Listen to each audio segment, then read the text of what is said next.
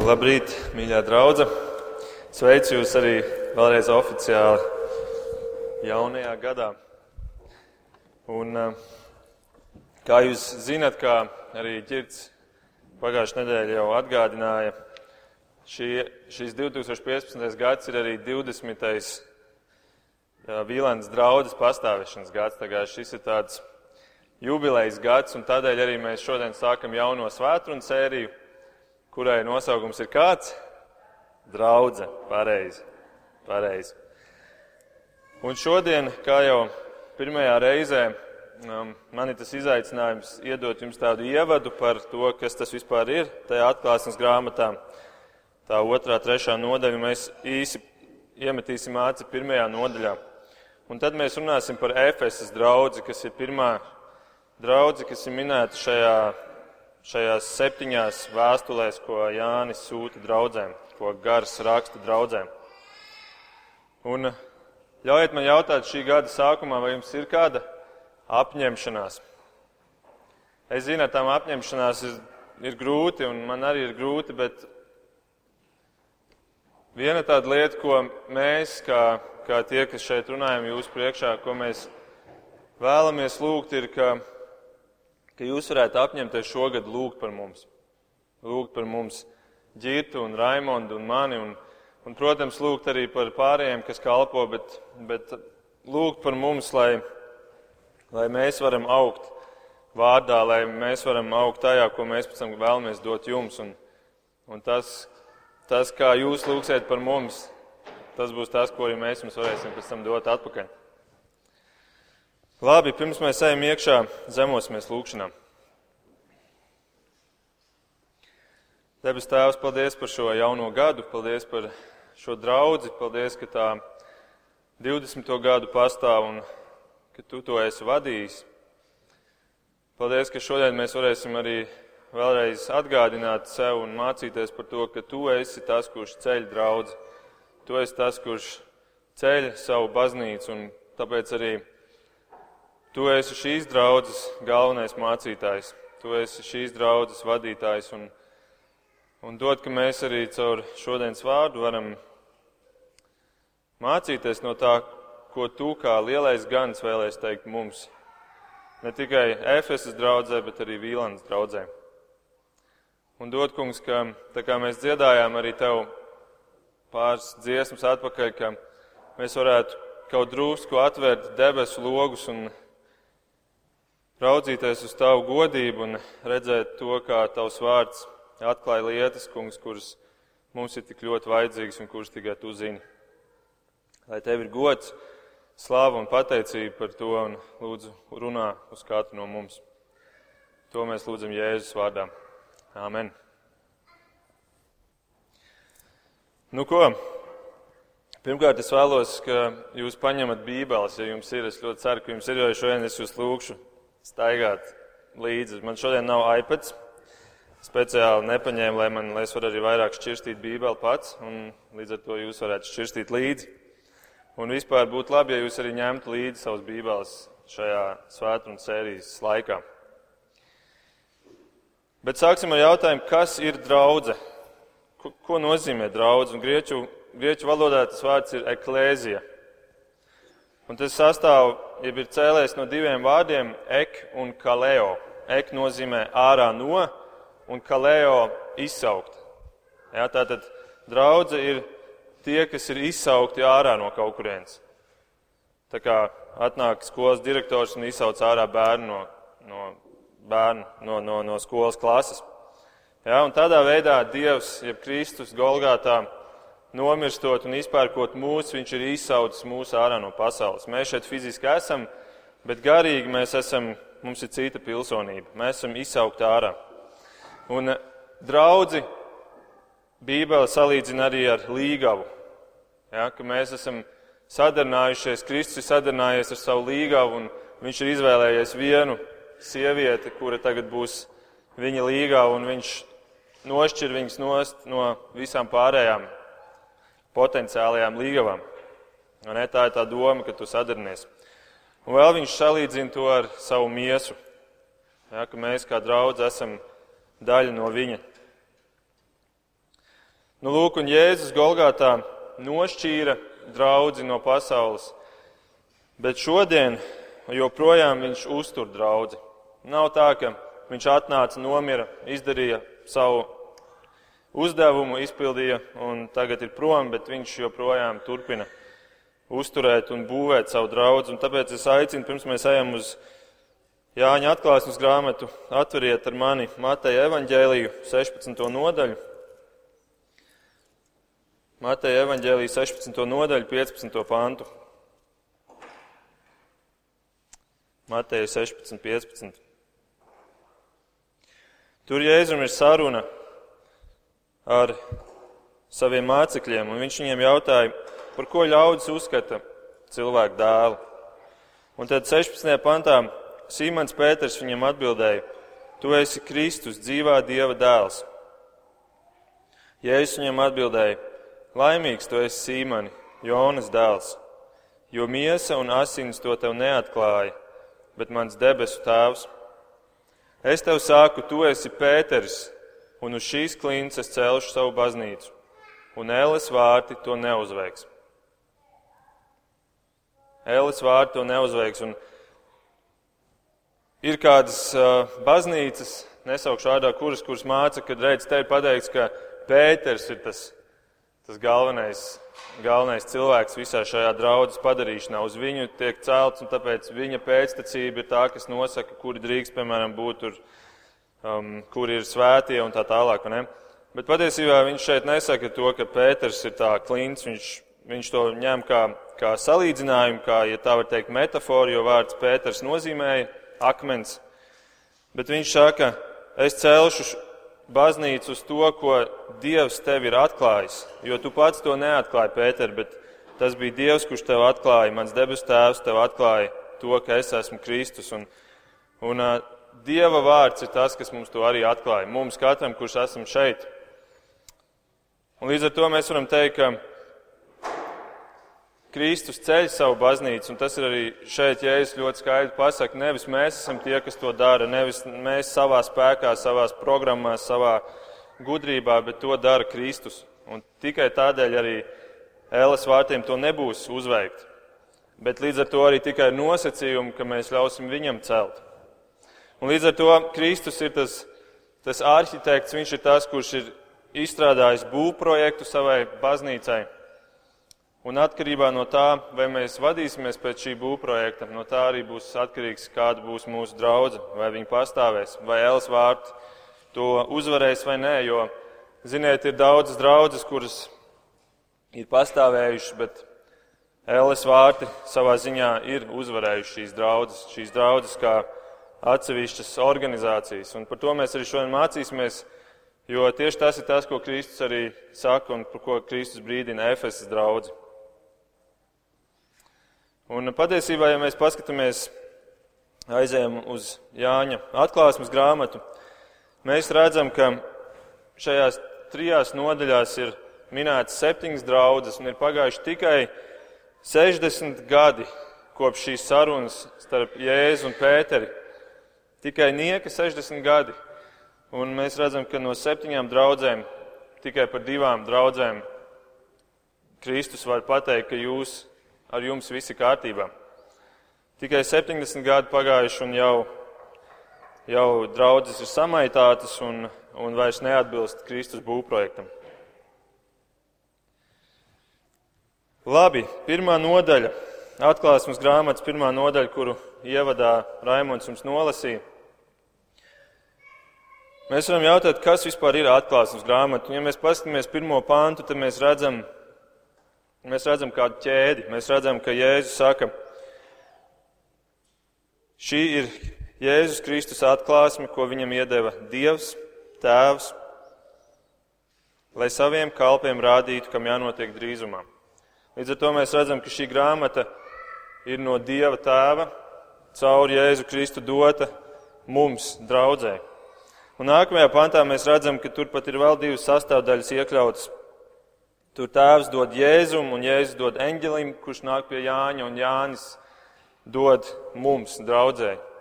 Jā, tātad šī atklāsmes grāmata ir kaut kas īpašs. Un, un, tā nav domāta teologiem, tiem, kuriem patīk urpties iekšā kaut kādās ap, apakaliptiskos pravietojumos, bet tā ir domāta draudzē.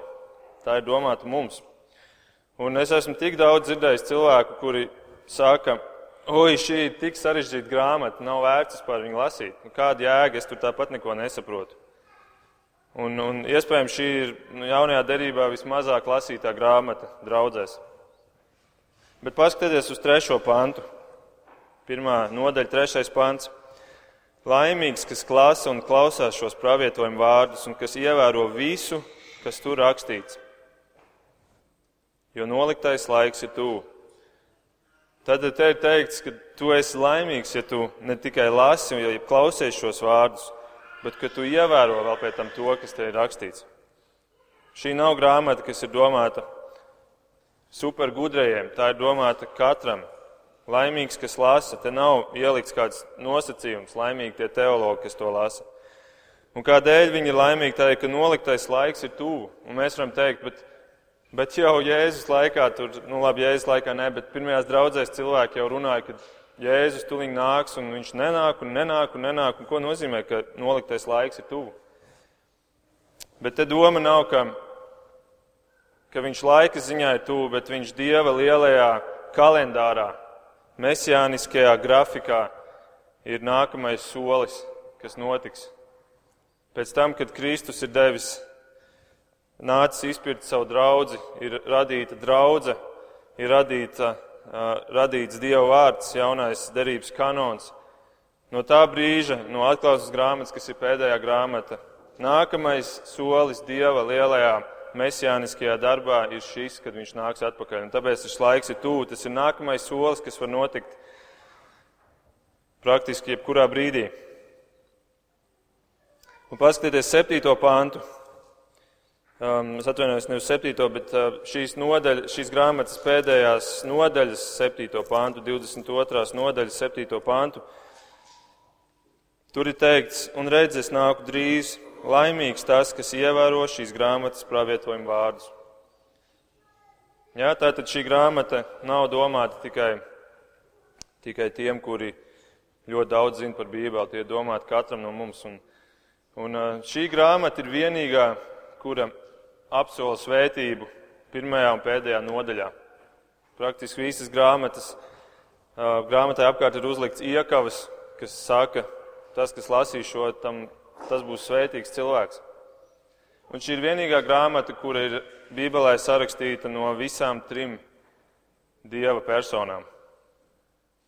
Jā, svētais gars ir sarakstījis savā ziņā iedvesmojis autors, lai, lai radītu jauno derību, bet šeit ir teikts, ka arī Kristus un Dievs ir iesaistīts. Šī ir vienīgā grāmata, kur ir visas trīs personas.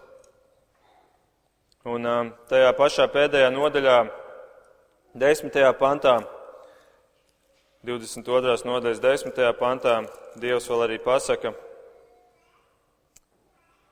nevis Dievs, bet eņģēlis saka Jānim, neaizīmogo šīs grāmatas pravietojumu vārdus, jo laiks jau ir tuvu. Jā, tātad Dievs negrib, ka mēs nezinām, kas šeit ir rakstīts. Un uh, savā ziņā atcerieties, atcerieties, mums bija pirms, pirms vairāk kā gada Mēs skatījāmies ciltsrakstus Mateja evaņģēlīja pirmajā, pirmajā nodaļā. Un arī ciltsraksts ir tāda lieta, kur tev liekas, nu, kas tur var būt. Ir vērts viņus izlaist, jo, jo kāda jēga tur lasīt kaut kādus vārdus. Bet, tad, kad tu paskaties, tas, tev, tas tev var būt par lielu svētību. Un tie, kas nav noklausījušies, es aicinu jūs varat mājaslapā ieiet. Un, un tad jūs redzēsiet, ka tajās pat daļās, kuras jūs varbūt pirmajā mirklī neuzrunā, ka arī tur slēpjas um, svētības un Dievs runā caur visu savu vārdu. Labi, kāds ir šīs atklāsmes grāmatas galvenais mērķis? Tas ir atklāts 4. un 5. pantā. Un varbūt mēs teiktu, tas mērķis ir iebiedēt mūs, jo tā ir tik briesmīga grāmata.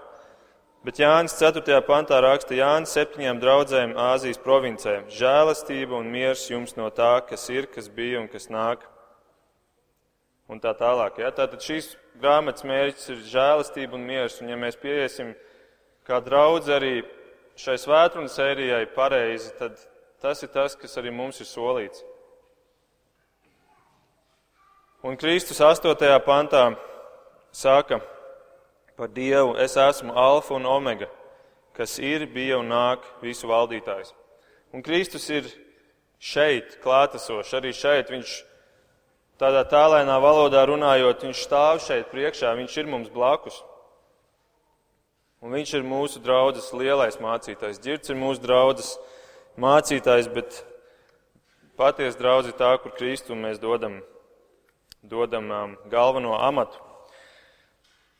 Un viņš ir šeit arī tādēļ, ka mēs redzam, ka pēc tam visās septiņās draudzēs, kur viņš raksta, viņš visur saka, es zinu tavus darbus, es zinu tavus darbus, es zinu tavus darbus.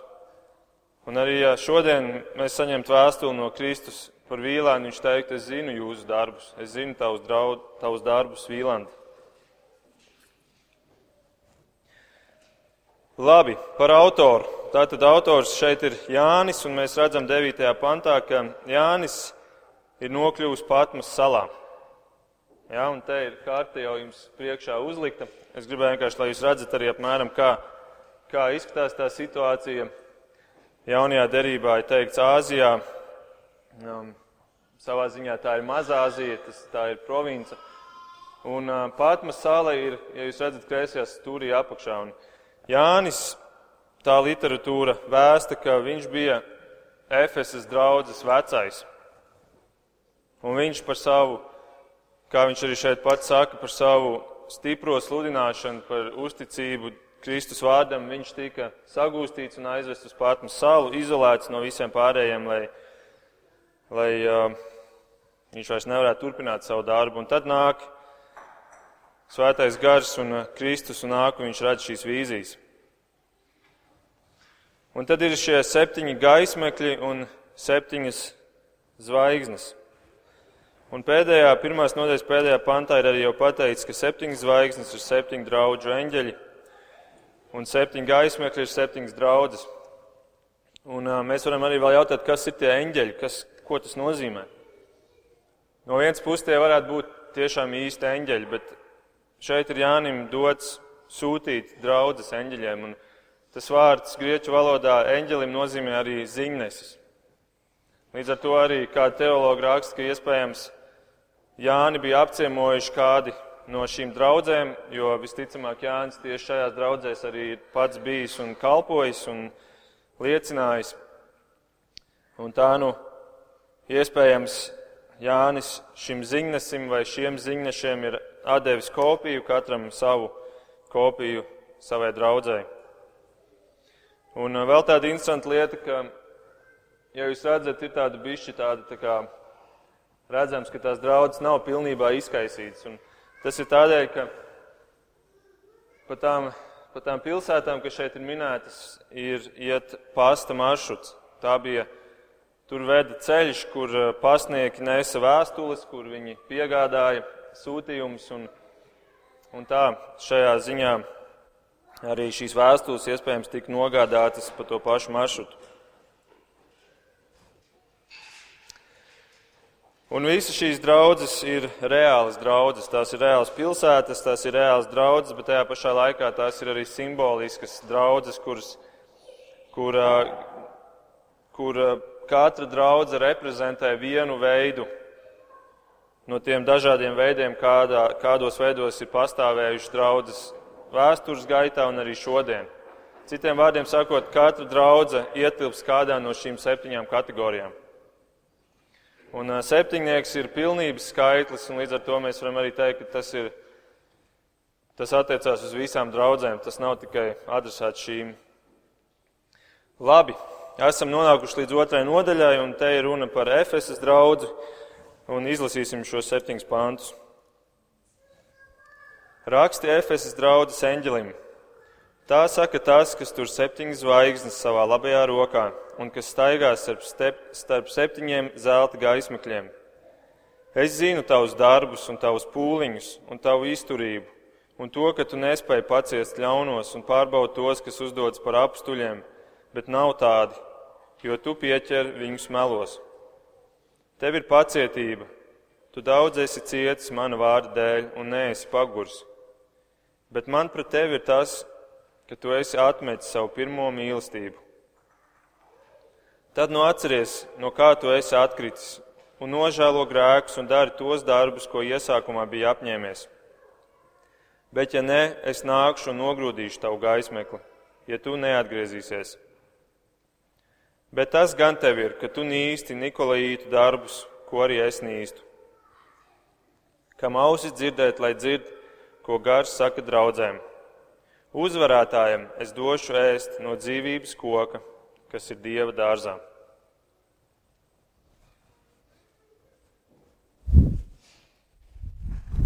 Un Efesa,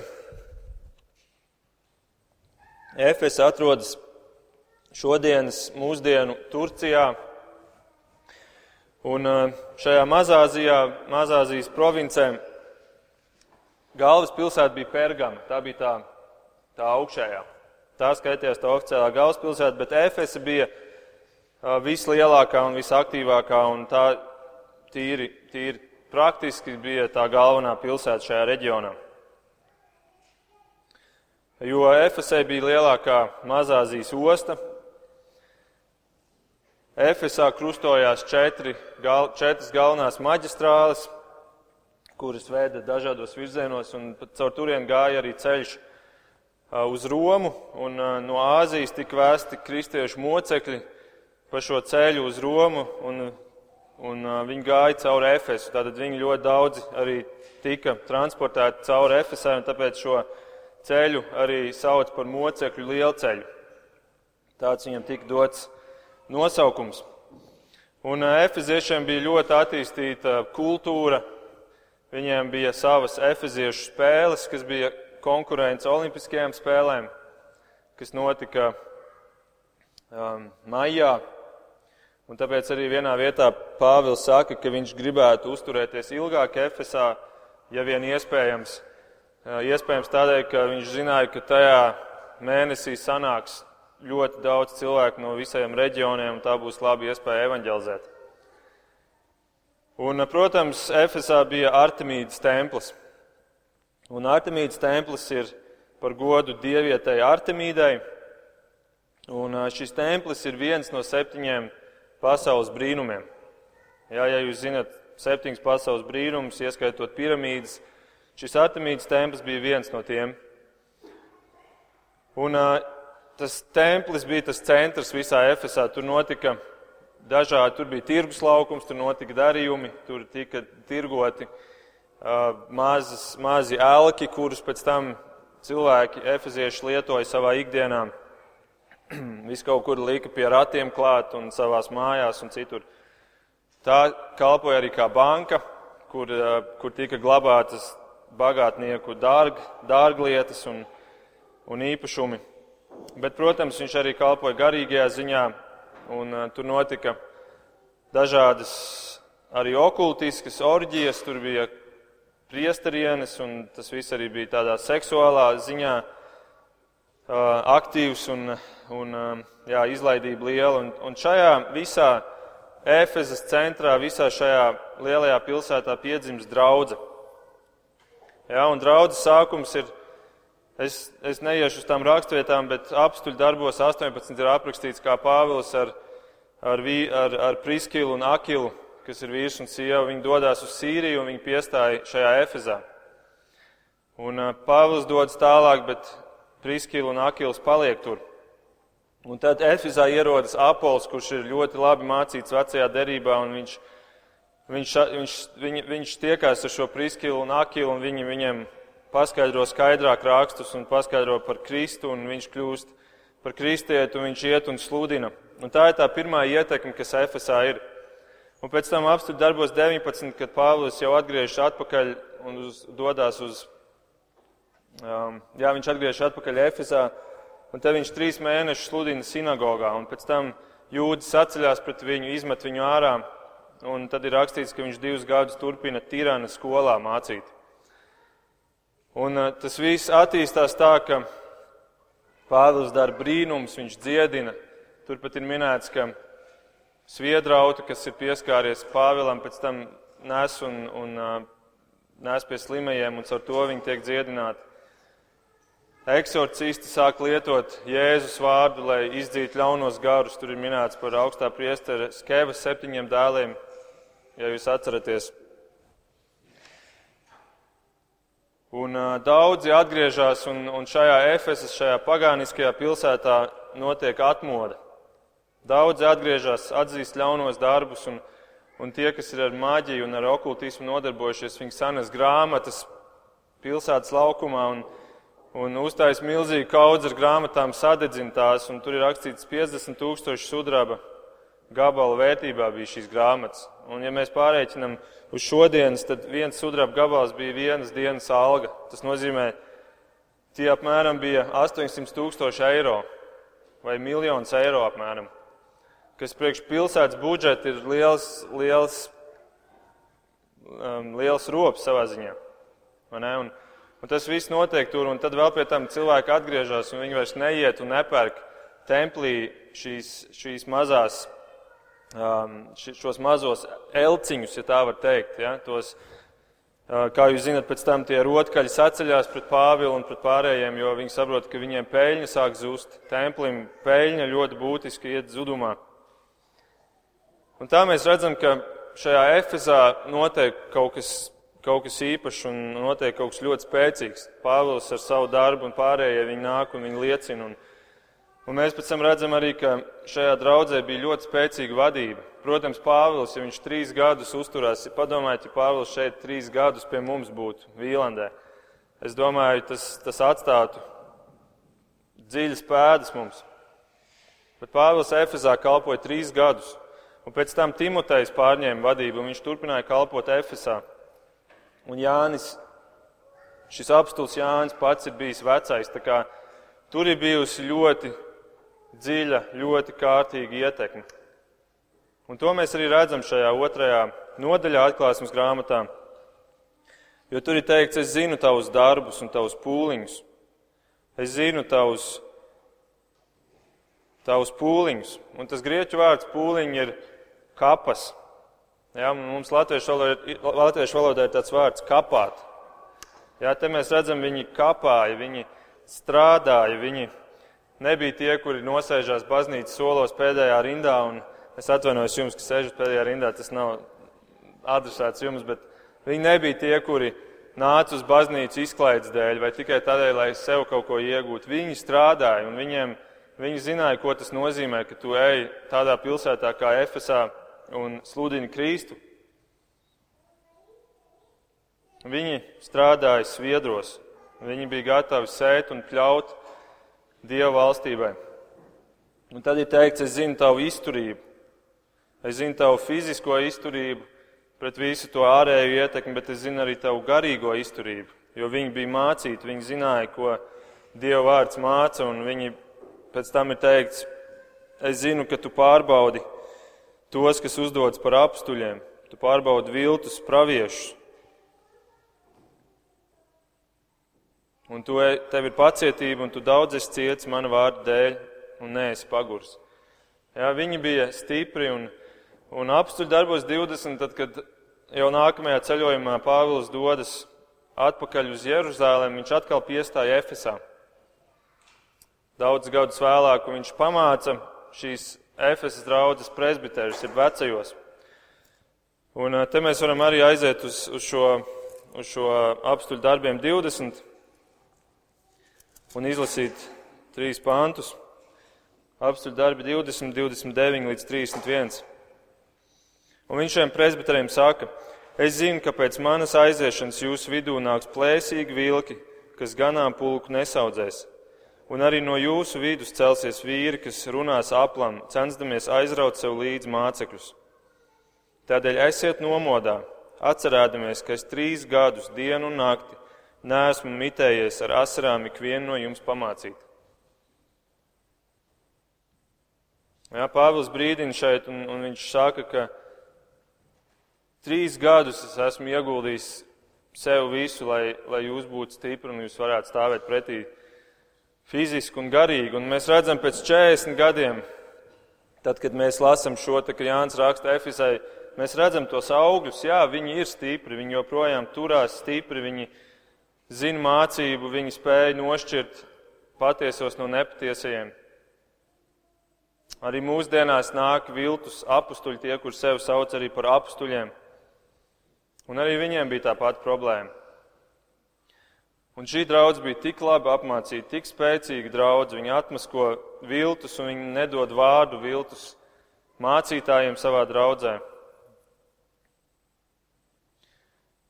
Un trešajā pantā vēl teikts, ka tu neesi pagurs. Un Pāvils raksta galotiešiem, sastajā nodaļā viņš saka, nepagurstiet labu darīdam. Viņš to saka tā, ka tu vari pagurt. Mēs varam pagurt, darīt to, ko mēs darām Kristum. Bet Efeze nebija pagurusi. Jēzus saka, jūs neesat paguruši. Un tad vēl sastajā pantā, lai pēc tam vēlreiz uzsvērtu to, pēc tam, ka viņš ir jau kritizējis viņus, ka viņš viņus norāja, pēc tam viņš vēlreiz pasaka, bet tas gan tev ir, ka tu nīsti Nikolīti darbus, ko arī es nīstu. Viņš saka vēlreiz, mīļā Efeza, tu esi tik daudz mācījusies un tu tik stipri stāvi, bet man ir pret tevi šī lieta.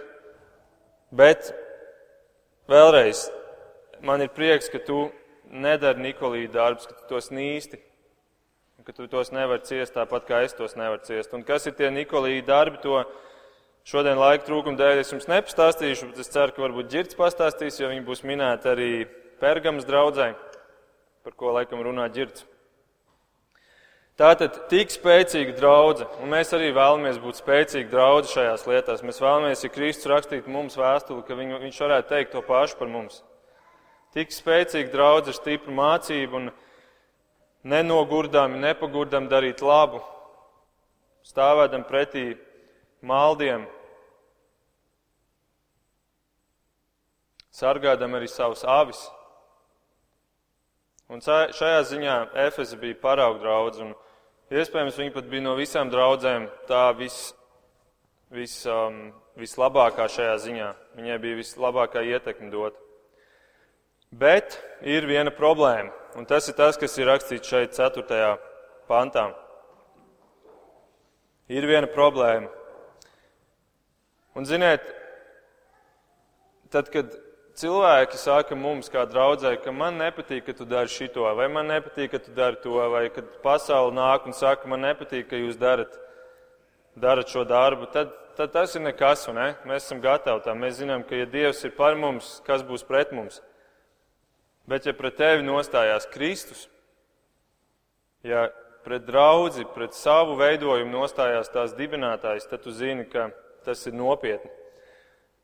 Un tāpēc šeit Kristus saka kaut ko ļoti nopietnu. Viņš saka, bet man pret tevi ir tas, ka tu esi atmetis savu pirmo mīlestību.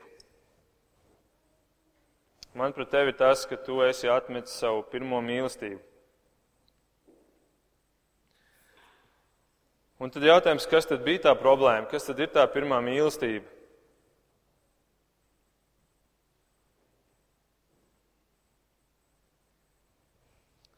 Un redziet, ar Efesu bija tā problēma, ka viņi darīja visu šīs lietas. Un es savā ziņā domāju, tas ir apbrīnojami, ka tik, tik laba draudzene mums ir šeit, tik stipra draudzene, draudzene, kas dara tik labi savu darbu un pienākumu. Un tomēr Kristus saka, ka man ir viena lieta pret tevi. Un tad piektajā pantā viņš saka, ja tu no tā neatgriezīsies, es nākšu un nogrūdīšu tavu gaismekli. Citiem vārdiem sakot, ja tu neatgriezīsies no šīs vienas it kā mazās lietas, es visu pārējo noslaucīšu no zemes. Tik laba draudzene, bet viņai bija viena lieta, kas Kristum nav pieņemama. Un eh, te mēs redzam, cik nopietni Kristus uztver šo jautājumu. Tas nav tikai tā, nāc un sludini Kristu, un tā kā tu viņu saproti, tā tu viņu sludini. Nē, mums ir jābūvē pēc viņa būvprojekta, mums ir jābūvē pēc tā, kas viņam ir svarīgi, kādas, kādām lietām viņš liek uzsvaru. Tāpēc ir tik svarīgi, ka mēs arī šīs septiņas vēstules ņemam cauri un izvērtējam sevi pret to. Labi, bet kas tad bija tā problēma? Un tā problēma bija tajā, ka viņi sāka ar mīlestību, viņiem bija pareizie motīvi, viņi to darīja no sirds, bet tas lēnām viss bija kļuvis par kaut ko mehānisku. Ja tas sākumā bija mīlestībā darīts, tad tagad jau tas tika darīts pienākumu dēļ. Un es domāju, ja tagad viņiem lasīja priekšā šo vēstuli, es domāju, viņi bija šokēti par to. Jo visticamāk viņi pat to nemaz nebija pamanījuši. Un tas ir tā kā laulībā. Tu mīlestībā sāc, tev ir medus mēnesis, medus mēnesis beidzās, sākās rutīna. Paiet kāds laiks, mīlestība iespējams ir jau atdzisusi, apdzisusi. Un pienākums tur kopā, un tu visu dari labi, tu audzini savus bērnus, tu pildi savus vīru un sievas pienākumus. Bet Mīlestība ir zudusi. Vizuāli izskatās labi, bet Kristus ar savām uguns acīm, kā pirmajā nodaļā ir rakstīts, viņš redz līdz sirdī. Viņš redz, kas ir sirdī cilvēkiem. Tāpat kā mēs Kalns vētrunā runājām, visu laiku viņam ir par to sirdi, un viņš arī redz draudzes sirdi. Un viņš jautā, vai tur ir mīlestība, vai tas viss ir vēl mīlestības dēļ darīts. Un ziniet, Kristus mīlestība pret mums ir fiksēta. Tā ir perfekta, tā ir pilnīga, tur ir viss simt procenti un pie tam simt procenti. Tur nav tā problēma. Bet tā problēma ir mūsu mīlestībā pret viņu. Mūsu mīlestība ir nepilnība. Mūsu mīlestība ir, ir ār, no ārējas ietekmes, no pasaules um, mainīga. Un mūsdienās cilvēki ļoti daudz runā par to, cik Jēzus mūs mīl. Viņš palīdz justies priecīgiem un laimīgiem, viņš palīdz sasniegt mērķus un mūsu ambīcijas un mūsu sapņus aizsniegt varbūt. Un viņš pievēr acis pret to visu, ko mēs darām, varbūt nepareizi, jo viņš mūs mīl, bet jautājums ir, vai tu viņu mīli un cik tu viņu mīli? Un ko nozīmē mīlēt? Ko nozīmē mīlēt tā praktiski? Tas nozīmē veltīt laiku, vērot, runāt,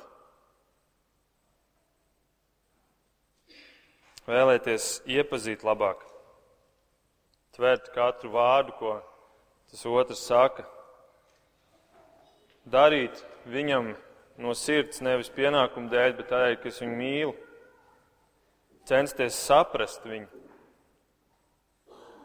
Tas ir tas, ko mēs darām, tā, ka, mums, tā, ka mēs draudzējamies un, un sadarbojamies. Mēs, tas cilvēks ir mūsu dzīves centrā. Un jautājums jums, skatoties uz 2014. gadu, vai tas ir bijis gads, kurā tu esi vairāk iemīlējis Kristu? Un es nedomāju, vairāk iemācījies par viņu, vairāk uzzinājis par viņu,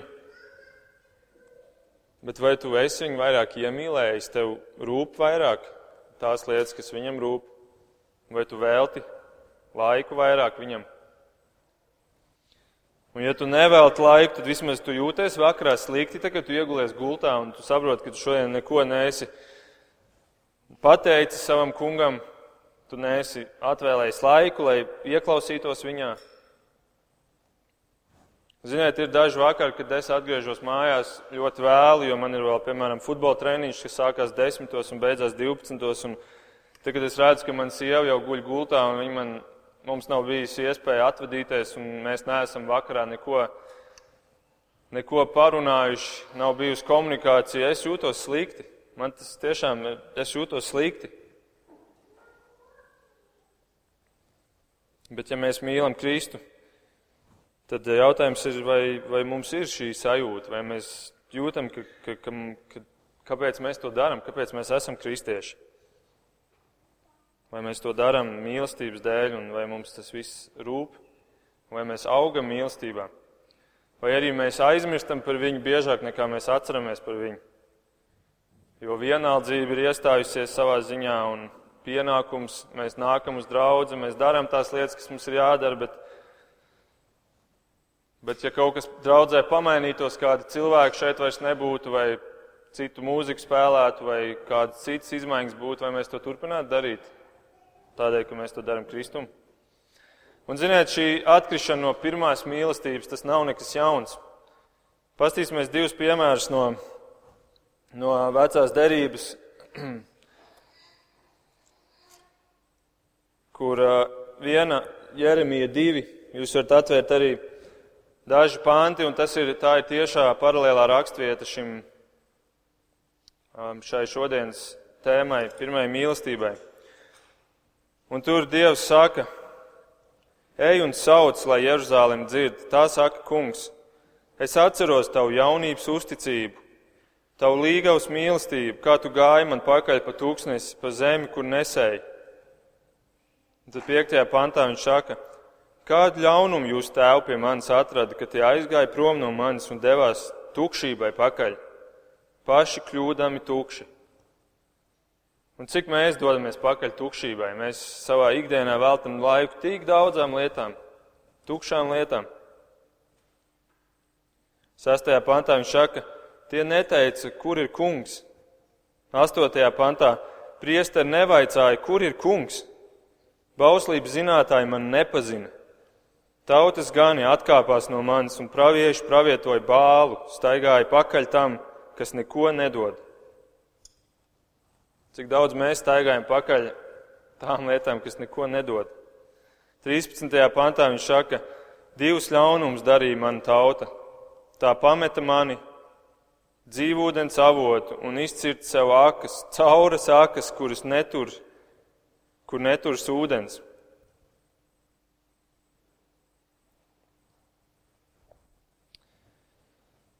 Un tad viņš vēl stiprāk sāk runāt, stiprākā valodā, 20. pantā. Es sen jau salauzu tavu jūgu un sarāvu tavu saites, un tu teici, es nevargošu. Nu, uz katra augstāka paugura un zem katra zaļokšņa koka tu maukojot lokies. Es tev stādīju kā izcilu vīnu koku, kā pilnu un īstu sēklu. Kā tu varēji pārvērsties par svežzemju vīnu stādu kroplējām stīgām? Un tad 23. pantā viņš turpina. Kā tu vari teikt, es neaptraipījos, neskrēju pakaļ bāliem, skati savu tāku ielējā, zini, ko tu esi darījis. Mēs arī varam paskatīties, tāpēc es jums jautāju, paskatieties uz savu 2014. gadu, paskatieties kaut vai uz savu pēdējo mēnesi, uz savu pēdējo nedēļu, pa kurien ved jūsu taka, pa kurien ved jūsu taka.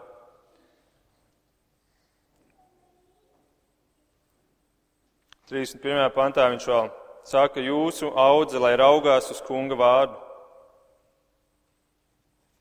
Raugieties uz kunga vārdu. Un divas grāmatas uz priekšu vēl ir aprakstīts Eceķēle 16. nodaļā, kur ir vēl stiprākā valodā Dievs runā par Izraēlu, kā viņš apprecējās ar Izraēlu. Un tas ir arī stāsts par mums. Mēs esam jaunais Izraels, mēs esam draudze, un, un tas ir arī stāsts par mums katru. Cilvēka dēls paziņo Jeruzalemē par viņas preteklībām, sākot no otrā panta. Saki, tā saka kungs Dievs par Jeruzalemi. Tava dzimta un tava izcēlesme ir no Kanāna zemes. Tavs tēvs ir amurietis un tava māte hetieti. Tad tu piedzimi no šiem diviem cilvēkiem, no šīm divām tautām.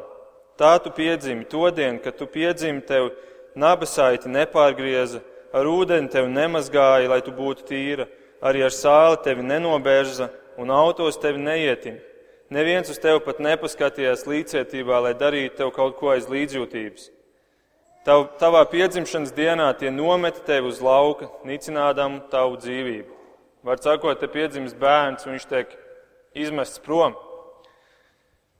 Tad es gāju tev garām, es ieraudzīju, ka tu ķepurojies savās asinīs, un tev, kas gulēja savās asinīs, es sacīju: dzīvo!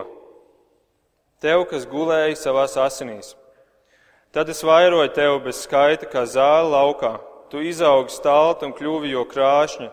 Piebrieda tavs krūtis, mati tev sakuploja, bet tu biji plika un nabaga. Kad es gāju tev garām, es skatījos un redzi, jau klāt tavs laiks mīlēt. Un es ar saviem svārkiem apklāju tavu kailumu, un es tev zvērēju, es stājos derībā ar tevi, saka kungs Dievs, un tu biji mana. Es mazgāju tevi ūdenī, noskaloju tavus asins un ieziedu tevi ar eļu. Un tas ir stāsts par to, kā Kristus arī mūs ir, katru no mums ir no miruša cilvēka padarījis dzīvus. Es tev ietēru prakstītās drānās, apāvu ādas sandālis, uzvilku tev viegli balta līna drānas un apklāju tevi ar zīdu. Es tev rotāju ar roksprādzēm, kakla ķēdītēm, ar deguna riņķi, auskariem un brīnišķu ainagu. Tu biji izrotāta ar zeltu un sudrabu, tavs drānas bija no viegli balta līna ar zīdu izrakstīts. Tava barība bija smalki, milti, medus un eļļa, un tu kļuvi arvien skaistāk, līdz stājies ķēniņienas godā. Tautas daudzināja tavu vārdu skaistumu dēļ, jo ar manis doto krāšņumu tavs skaistums bija nevainojams, saka kungs Dievs. Un te mēs redzam Kristu, kurš mūs pirmais ir mīlējis. Viņš mūs ir pacēlis šādā veidā un padarījis dzīvus un mīlējis mūs, un mēs, mēs šajā visā uzplaukumā viņu mīlējām. Bet tad ir kāds pavērsiens. Un četri panti, es nolasīšu tikai četrus pantus. Tu paļāvies uz savu skaistumu, savu slavu tu izmantoji, lai maukotu. Tu atdevies maucībai ar katru garām gājēju, tu piederēji tiem.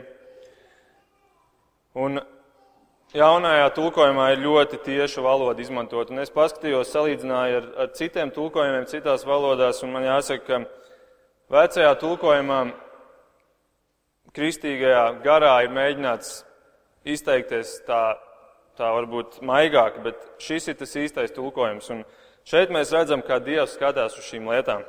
Kā Dievs skatās uz to, ka, tu, ka tev vairs nerūp tās lietas, kuras Viņš tev ir devis, un Viņš tev ir tik daudz tavā dzīvē ielicis. Tu ņēmi savus drānas un darināji raibas segas augstieņu altāriem, un tur tu tā maukoji, kā neviens vēl līdz šim nedz arī turpmāk. Tu arī ņēmi manis dotās krāšņās rotas, manu zeltu un sudrabu, un darināji sev vīrišķā atveidu, vīrišķā atveidus un maukoji ar tiem. Tu ņēmi izrakstītās drānas, ko uzsekt uz tiem, tu atdevi tiem manu eļu un manu kvēpināmo. Un barību, ko es tev devu, smalkos miltus, eļu un medu, ko es tev devu ēst, tu cēltiem priekšā par tīkamu smaržu. Tā bija saka kungs Dievs. Un jūs varat mājās izlasīt visu atlikušo nodaļu, tur vēl divas pakāpes augstāk tas viss tiek izteikts. Un, un redzēt, tas ir tas, kas notika ar Efes draudzu, draudzi. Un kā, kad notiek šāda draudz? Tad, kad tās cilvēki tādi kļūst. Tad, kad cilvēki visu to, ko Kristus viņiem ir devis, un, un mums tas medus un eļļa un, un, un tās smalkās drānas, tas ir tas, ko Kristus mums katram ir devis. Viņš mums katram ir devis svētības. Viņš to visu mums ir devis kā dāvanu, un tad mēs ņemam šīs lietas, lietojam lietām, kas, ir, um, kas viņam nav tīkams. un te mēs redzam, cik, cik uh, nopietni Kristus skatās uz šo jautājumu. Un Jēzus pieprasa pirmo mīlestību visas dzīves garumā. Tā ir tā varbūt galvenā doma šajā visā vēstulē. Un viņš saka Matei 10, kas tēvu vai māti vairāk mīl nekā mani, tas manis nav cienīgs. Kas dēlu un meitu vairāk mīl nekā mani, tas manis nav cienīgs. Kas darbu un citas lietas dzīvē mīl vairāk nekā mani, tas nav manis cienīgs.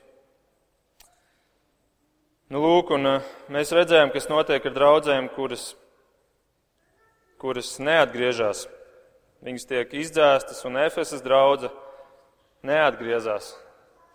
Un šodien Efesas draudzes vairs nav. Tur ir drupas, pilsētas vairs nav. Un Kristus var izdzēst draugu. Viņš nevar izdzēst savus bērnus, viņš nevar, viņš nevar atmest savus bērnus, bet viņš var atmest draugu. Un draudzene tiek atmesta tad, kad tās cilvēku, um, ja, ja tās cilvēki arvien vairāk sāk darīt šādas lietas un atkrist no tā, kas ir Kristum svarīgi. Labi, un pats pēdējais jautājums. Kas notiek ar tiem, kuri paliek šajā pirmajā mīlestībā? Un tas ir aprakstīts 7. pantā. Kam ausis, lai dzird, ko gars saka draudzēm. Uzvarētājiem es došu ēst no dzīvības koka, kas ir Dieva dārzā. Un, ziniet, ir divi koki. Ēdienas dārzā bija divi īpaši koki. Bija dzīvības koks un ļaunā un laba un ļauna atzīšanas koks. Un tad, kad Ādams un Ieva ēda no šī otrā koka, paskatieties, kas notika ar pirmo koku. Un te ir, te jūs varat arī atvērt pirmā mūzes pašu sākumu, trešā nodaļa.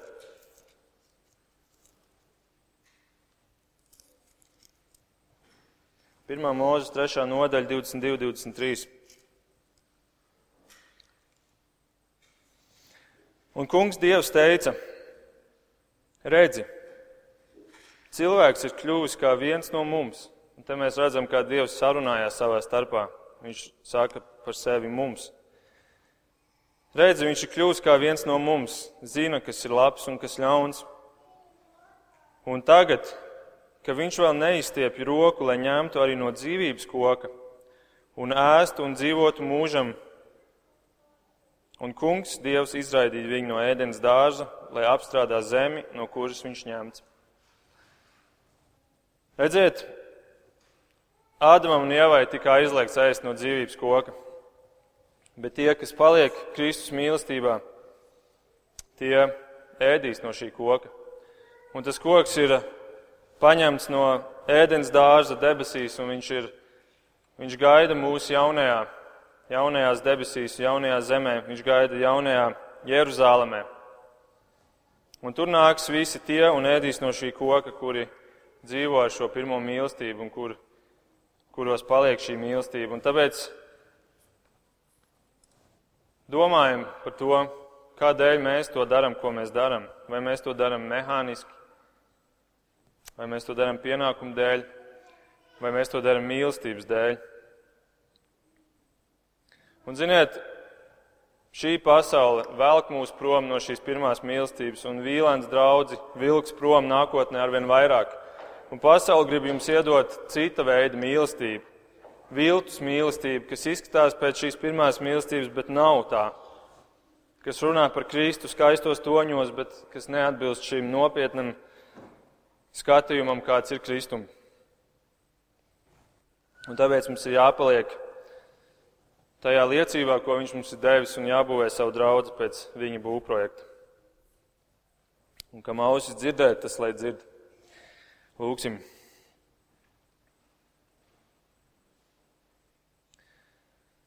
Mīļais debes Tēvs, paldies par šo atklāsmes grāmatu, kuru mēs varbūt tik zemu vērtējam, bet Tu to mums esi devis un tāpēc varbūt arī uzsvērs, ka tā ir svētība, ja mēs to lasām, izprotam. Paldies, ka tu mums esi devis piemēru par Efesas draugu. Palīdz mums būt redzīgiem, palīdz mums būt dzirdīgiem. Tie, kas ne tikai dzird, bet kas arī saklausa un kas dzīvo pēc tā, ko tu saki. Palīdz, lai Vīlāns draudze būtu tā, kas mācās no Efesas draudzes kļūdām bet arī mācās no Efesas draudzes, draudzes spēka un stiprās puses, kungs. Palīdz mums būt draudzē, kas tev ir tīkama. Un palīdz mums katram būt tādam, kas arī savā ikdienā ir kā tie, kuri novērtē to, no kurienes mēs nākam. Paldies Tev, ka Tu mūs esi darījis dzīvus, ka arī par mums Tu apžēlojies, ka Tu neļauj mums mirt garīgi, bet Tu esi mūs atzemdinājis, kungs un palīdz mums to nekad neaizmirst. To mēs lūdzam Jēzus vārdā. Āmen!